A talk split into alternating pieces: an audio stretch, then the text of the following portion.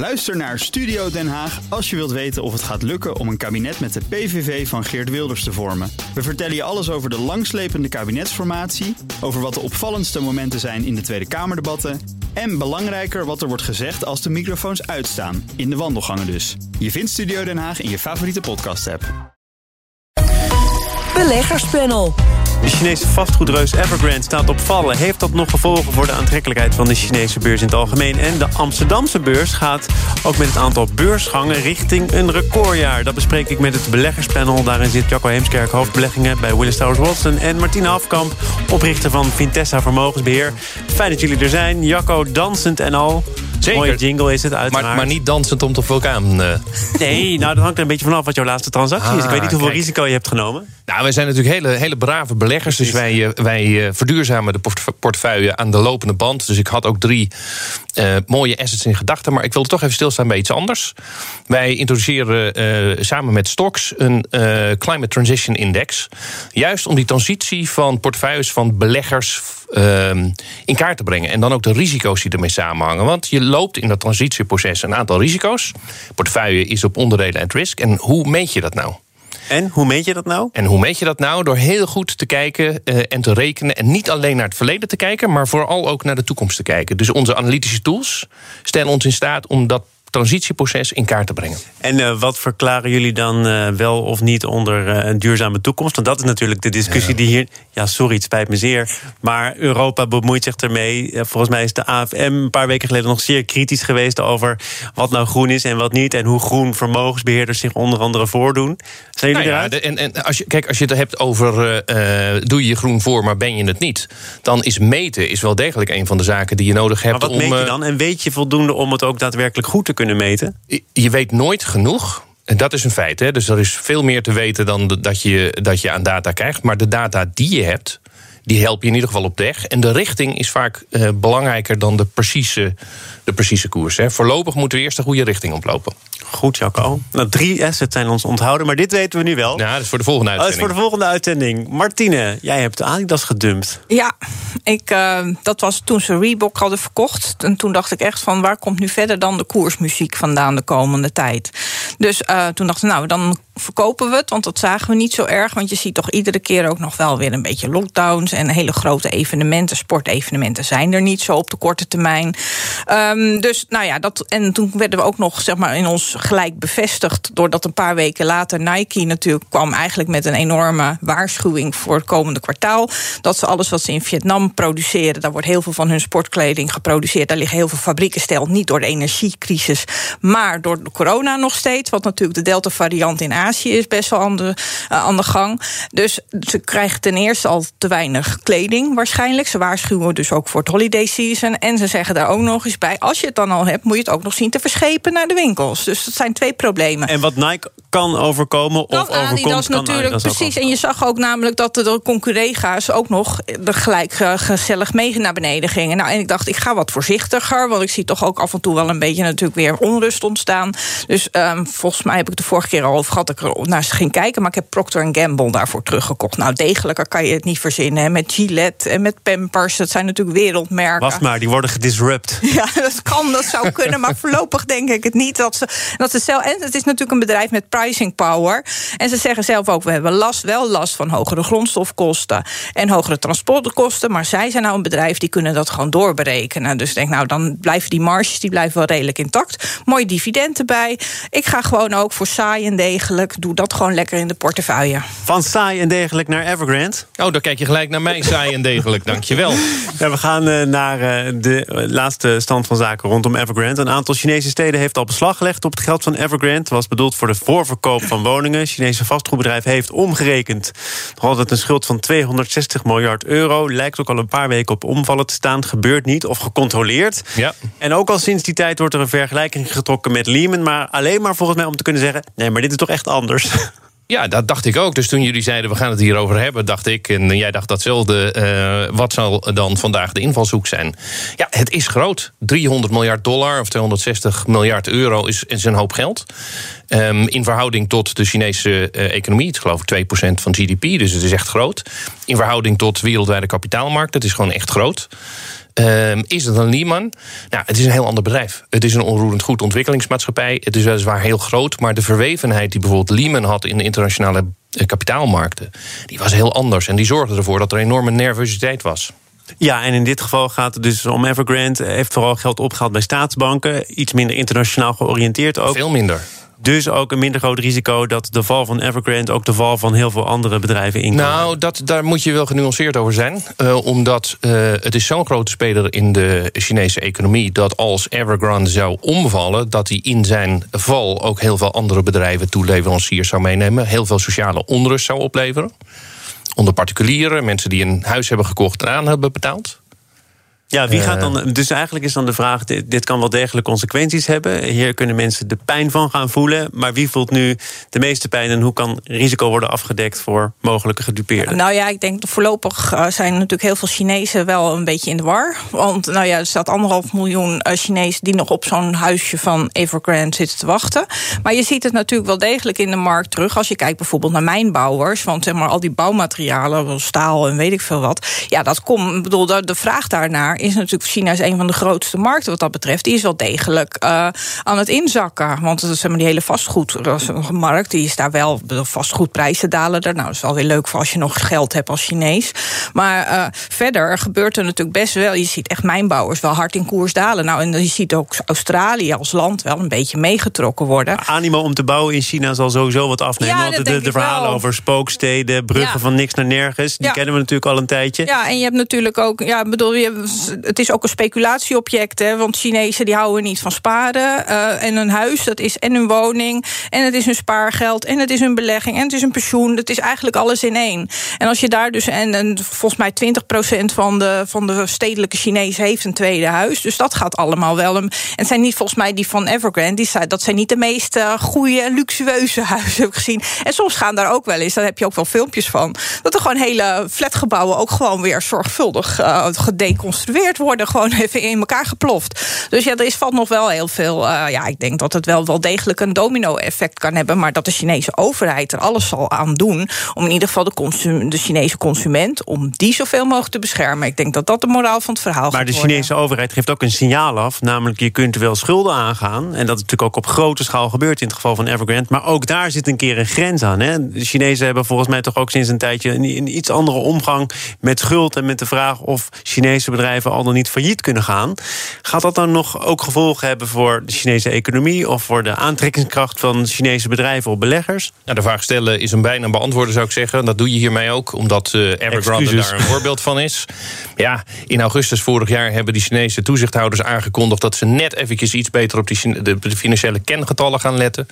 En daar zat Evergrande uh, vol uh, boven. Dus dat betekent dat vanaf dat moment ook de, de, de, de problemen begonnen. Dus ja, dat, dat, dat knijpt de economie wel af. En tegelijkertijd zal die, die um, Chinese overheid ook heel voorzichtig zijn. Martine, jij zei dat net ook al. China heeft natuurlijk een geschiedenis dat uh, je het land echt bij elkaar moet zien te houden. En als je, als je het volk verliest, dat je dan ook het land verliest. Denk even aan het boek On China van Kissinger. Of The Next 100 Years van uh, uh, Friedman. Die, die duiden allemaal op uh, China, een land wat je bij elkaar moet zien te houden. Dus ik, dit is eigenlijk, je wist het niet, maar ik, ik had een citaat voorbereid van Lodewijk van der Kroft van Comgest, ook ja. lid van dit panel. Die heeft in het FD gezegd: De Chinese economie groeit hard, de middenklasse is in opkomst en het land zal willen blijven groeien, al is het maar om sociale onrust te voorkomen. Absoluut. En daarom houdt Comgest ook vast aan zijn Chinese portefeuille, 5 miljard. Terwijl het ook geluiden zijn van ja, je moet nu wegwezen, want dit kan wel eens het begin van het einde zijn.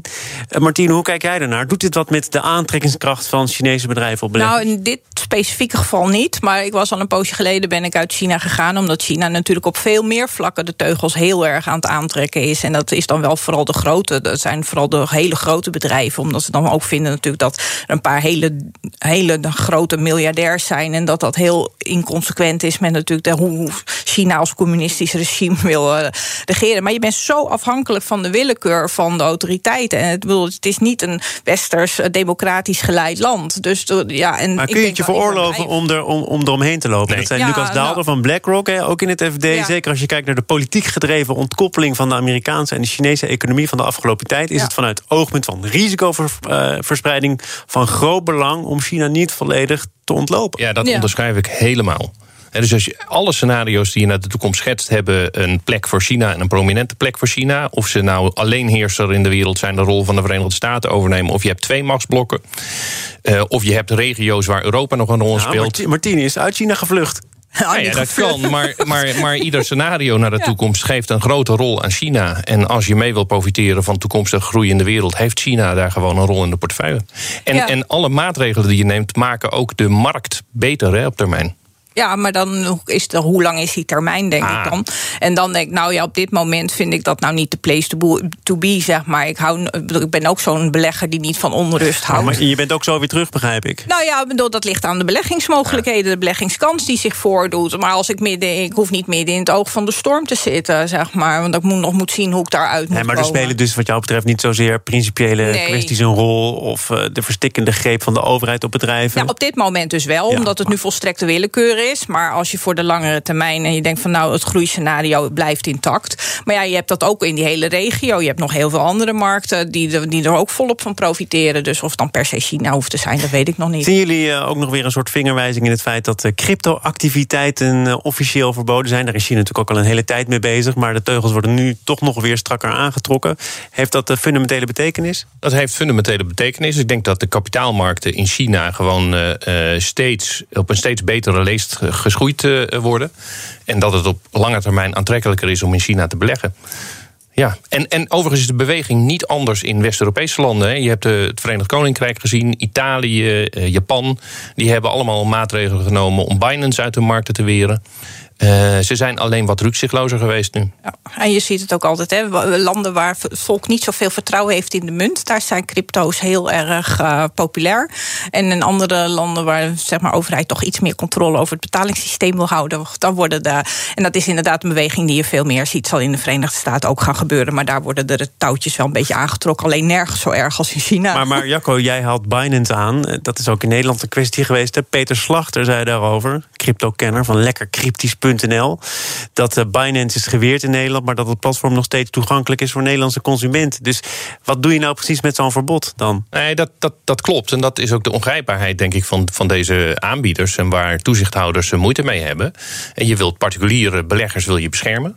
Uh, en daar willen we ze toch wat, wat wet en regelgeving opleggen. En ik denk dat het spel nog niet is gelopen. We gaan naar een ander spel.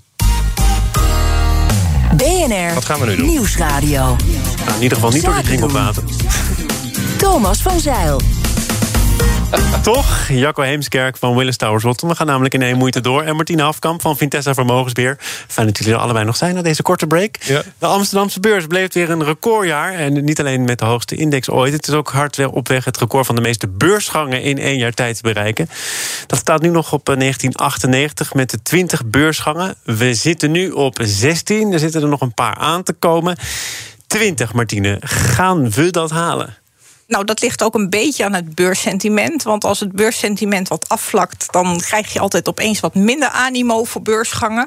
En dat is natuurlijk ook de reden waarom er nu zoveel beursgangen zijn geweest. Maar sentiment heeft dan te maken met rentebeleid. Ja, ook, maar ook gewoon met de stemming op de beurs. Als het gewoon natuurlijk een paar weken slecht gaat, uh, of de koersen naar beneden, dan worden, dan kan er zomaar eens een beursgangetje teruggetrokken worden. En wanneer was dat dan voor het laatst dat het slecht ging op de beurs? Uh, nou ja, bedoel je, volgens mij wordt het wel eens uitgesteld. Zag je dat? Je zag het ook in, volgens mij in maart, april. Dat de Coolblue dat dat uitgesteld ging worden met als excuus dat uh, de financieel directeur zwanger was.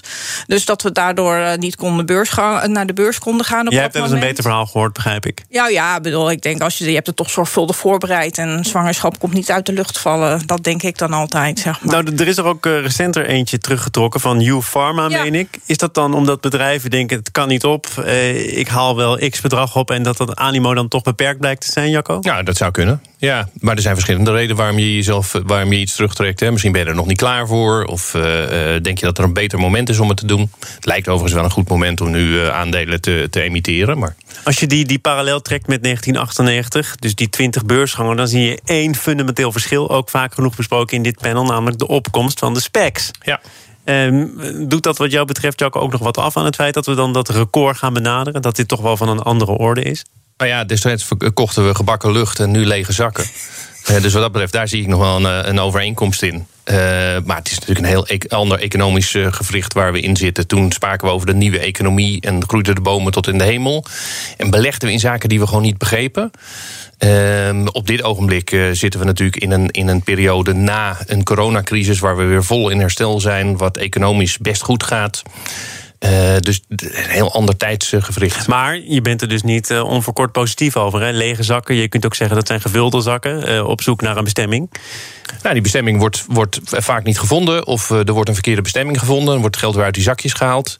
Eh, dus zo succesvol zijn die specs nog niet. Nee, dat ben ik eens. Van, nou, je, je weet niet wat je koopt. Hè. Als je in een spec gaat eh, investeren, dat moet allemaal nog blijken. En nou, kijk, dus alles wat nu dan naar de beurs is gekomen, dat heeft dan drie jaar de tijd om iets leuks te vinden. En daar krijg je dus ook wel, natuurlijk, want de spoeling is best wel dun. Het zit allemaal best in, in, zeg maar, in dezelfde richting. Ja, bedoel, er zijn maar zoveel overnames te doen wat dat betreft. Dus ik ben daar niet zo'n voorstander van om zoiets te beleggen, in zoiets te beleggen überhaupt. Maar ja, verder ook, je ziet natuurlijk nu wel echt heel veel bedrijven en hele verschillende bedrijven naar de beurs komen. Die, ja, waar de een wat duurder is dan de ander. Maar er zit wel een grotere discrepantie in als de vorige keer. En hoe doen die, die nieuwe bedrijven op de beurs het eigenlijk? Nou kan je ja, daar iets over zeggen? Ja, in het algemeen wel goed. Ik bedoel, het sentiment is eh, redelijk eh, positief gestemd, zeg maar. De enige die er een beetje onder staat is volgens mij eh, Impost. de Poolse, die pakjes, dat je die pakjes in die muren en dat je het eruit kan halen. Maar verder is het best goed gegaan. En dan was natuurlijk Universal was natuurlijk eigenlijk de grootste. Maar ja, dan kan je ook weer kijken. En die heeft het heel goed gedaan. Maar als je dan kijkt, dat is natuurlijk een spin-off van Vivendi. En dat ging op dezelfde dag heel veel procent naar beneden. Dus het is niet pure winst met zo'n bedrijf. Er zijn altijd mensen die zeggen, ja, dit kan niet zo, zo door blijven gaan. hè. 800 punten zijn we nu door, we krijgen hoogtevrees. Dat geldt nu ook voor deze beursgangen. Je blijft toch tellen. Oh, 1998, ook een eh, tijd met een bepaald verleden, met een bepaalde geur. Snap je die twijfel of die huiver die er is? Ja, natuurlijk. Want het, er komt ook een tijd dat de koersen weer in elkaar klappen. eh, en dat we weer eh, eh, moeten opkrabbelen. Dat komt onvermijdelijk. Eh, maar om daar nou bang voor te zijn, ik denk dat dat ook bij de aard van beleggen hoort. En de, de beleggers onder ons die al wat langer eh, eh, bezig zijn, die weten dat ze door zo'n dip heen Je moeten moet gewoon te pletten durven vallen. Nou, te pletter vallen is wel wat, wat bruut gezegd. Ja. omdat sommige mensen last schijnen te hebben van hoogtevrees, dacht ik. Ah, ja. Nou, maar je kan ook aan een lijntje naar beneden. Ja. gaan aan een lijntje naar beneden. Ja. Ehm, dan naar een eh, mogelijke nieuwe beursgang, namelijk die van Blokker. Die hangt ook al een tijdje boven de markt. En de eigenaar en de topman, Michiel Witteveen, maakte gisteren bekend... voor die tijd een stap opzij te doen. Februari 2022. Ik sprak hem daar kort over en hij zei dit. Van waar dit besluit om eh, Oh. te stoppen op relatief korte termijn? Ehm, nou, dat heb ik al vaker aangegeven. Ik vind continuïteit van, eh, van belang. En ik denk dat het in het belang is van de, de onderneming om eh, de, de beursgang in te gaan met een iets versere CEO dan ikzelf. Maar dat heeft met name te maken met leeftijd. Ja, die, die beursgang is natuurlijk. Dat eh, was een prachtig fragment, inclusief mijzelf. Dat Ja. is toch nog eens even genieten in dit eh, panel. Het gaat eh, Witteveen dus met name, zegt hij, om zijn leeftijd. Hij is 68, beleggers zitten te wachten op iets anders. Is dat, Martina, een valide punt? Ja, ik vind van wel. Ik bedoel, eh, want op zich hij heeft er wel gelijk in dat hij dan ook zegt... ja, het is voor de langere termijn. Maar ja, ik bedoel, helemaal uh, naar de zijlijn stapt hij natuurlijk ook niet. Want Geen gaat verre van. dus, dus zo, hij kan er niet zomaar afscheid van nemen. Maar op zich kan kan ik me voorstellen dat je dan zegt... kijk, het gebeurt niet zo vaak, dit soort, eh, dit soort wisselingen... dat een, dat een voorzitter wordt van de Raad van Commissarissen... terwijl die eerste topman was en andersom. Maar ja, ik bedoel, ik snap, ik, ja, ik snap het wel, want het kost wel weer... het is een andere dynamiek vaak. eh, en het is iemand die ook al een tijd bij het bedrijf betrokken is. Dus voor de continuïteit, eh, ja, dat is wat hij graag ook ziet, zeg maar. Nou ja, je zegt het gebeurt niet zo vaak. Ik heb hem daar natuurlijk naar gevraagd. Ja. Waarom wisselen jullie nu stuivertje? En had dat dan niet eh, mooier gekund? Is dit nou een voorbeeld van goed bestuur? En hij zei, er zullen ongetwijfeld situaties zijn... waarin er wat frictie zal ontstaan... omdat ik als topman niet anders had gedaan dan hij. En ik ben nu toch de, de voorzitter van de Raad van Commissarissen. Maar is het, los van dat het niet zo vaak voorkomt... toch ook eigenlijk onwenselijk... dat dit soort posities door deze twee heren worden ingevuld? Nou, niet noodzakelijkerwijs onwenselijk. Ik denk dat het best een slimme zet is van het bedrijf. En ik moet ook zeggen dat ik met veel enthousiasme ook uitkijk naar eh, de introductie van toch een household name. Blokker is een naam die we allemaal kennen. Eh, en wat dat betreft, als je zegt de blokker is van ons allemaal, dan is een volksaandeel eh, of een, een, een, een, een emissie van. er, zijn- er zijn van toch Blokker. voldoende bedrijven die we allemaal kennen... die Ja. er niet per se geweldig voor staan? Nou goed, maar de- kijk, dit is een bedrijf wat natuurlijk uit een periode komt dat het er niet zo goed voor stond. En ik denk dat Michiel Witteveen dat, eh, eh, dat bedrijf toch in de afgelopen jaren weer naar herstel heeft gebracht. En als je het dan eh, winstgevender weer op de beurs kan plaatsen, heb je hartstikke leuk Nou, dat is belangrijk wat je zegt, want winst, daar wordt naartoe gewerkt. Maar voor Ja. Blokker is dat er nog niet. Nee, maar ze, wat ze zelf aangeven is dat ze op weg zijn daar naartoe. Dus op het moment dat ze daar zijn, ja, dan is het ook een mogelijkheid om het aan de beurs genoteerd te krijgen. Martine, eh, het advies van eh, Witteveen gaf hij gisteren aan de Volkskrant. En dat blijft onverminderd. Eh, koop spullen bij Blokker, dan krijg je zegeltjes. En via die zegeltjes krijg je dan weer een deel ja, van een aandeel. ja. Nou ja, dat, eh, hij brengt het leuk. En ik denk dat er best mensen. Daar, kijk, dan wordt het wat laagdrempeliger door. Maar dat is ook een beetje natuurlijk wat de blokker heel graag wil zijn. Dat je daar heel veel makkelijke dingen kan kopen. Of Heel, ze hebben heel veel erg ingezet op, op huismerken om dan de marges te verbeteren. Eh, ze hebben natuurlijk heel veel moeten investeren in IT. Dus er zijn ook hele grote investeringen gedaan. En ja, het moet blijken dan of ze dat online en in de winkels, of dat dan echt kan doorzetten. Want we zeggen nu natuurlijk, dit jaar zal het waarschijnlijk nog net niet lukken hè, met winstgevendheid. Maar dat komt dan door Dat is al een enorme stap van waar ze waren. Hè? Ja, met, ja. met mega verliezen. En ja, dan nu naar. maar ze hebben eh, natuurlijk wel een bruidschat mee. Hij heeft een bruidschat meegekregen toen hij het van de familie Blo- Blokker overnam. Van slechts 250 miljoen. Ja, en ja, bedoel, tenminste. Ja, Ja. dus in die zin, eh, bedoel, dan kom je ook. Maar hij heeft natuurlijk hele goede dingen gedaan. Dus is het ook mooi als je dat dan door kan groeien. Want ze willen natuurlijk heel graag verder groeien. Maar ja, Is het dan niet ook heel mooi om zelf als de topman van dat bedrijf toch nog die beursgang te begeleiden? Of is het heel logisch om voordat dat moment aanbreekt. nou, een het stap is, ook, het is raarder als je na twee maanden na de beursgang opstapt. Dan zit hij er weer een tijd aan Ja. vast, bedoel je? Ja. Nee, ik, dat, dat, ik denk ook dat dat een volstrekt normale gang van zaken is. Eh, ja. Dames en heren, doe gerust een stap opzij of naar achter. Ik zal er niet meer doorheen praten. Jacco Heemskerk was hier. Hoofdbeleggingen bij Willis Towers Watson. En Martine Hafkamp van Vintessa Vermogensbeheer. Dank voor jullie bijdrage aan dit beleggerspanel. Zometeen praat ik met een ondernemer die afscheid neemt van flexcontracten... en alleen maar vaste dienstverbanden aanbiedt. Ook Harm Edens vind je in de BNR-app. Je kunt BNR Duurzaam niet alleen live luisteren in de app, maar ook terugluisteren als podcast, zoals al onze podcasts. En naast dat de BNR-app Breaking News meldt, houden we je ook op de hoogte van het laatste zakelijke nieuws. Download nu de gratis BNR-app en blijf scherp.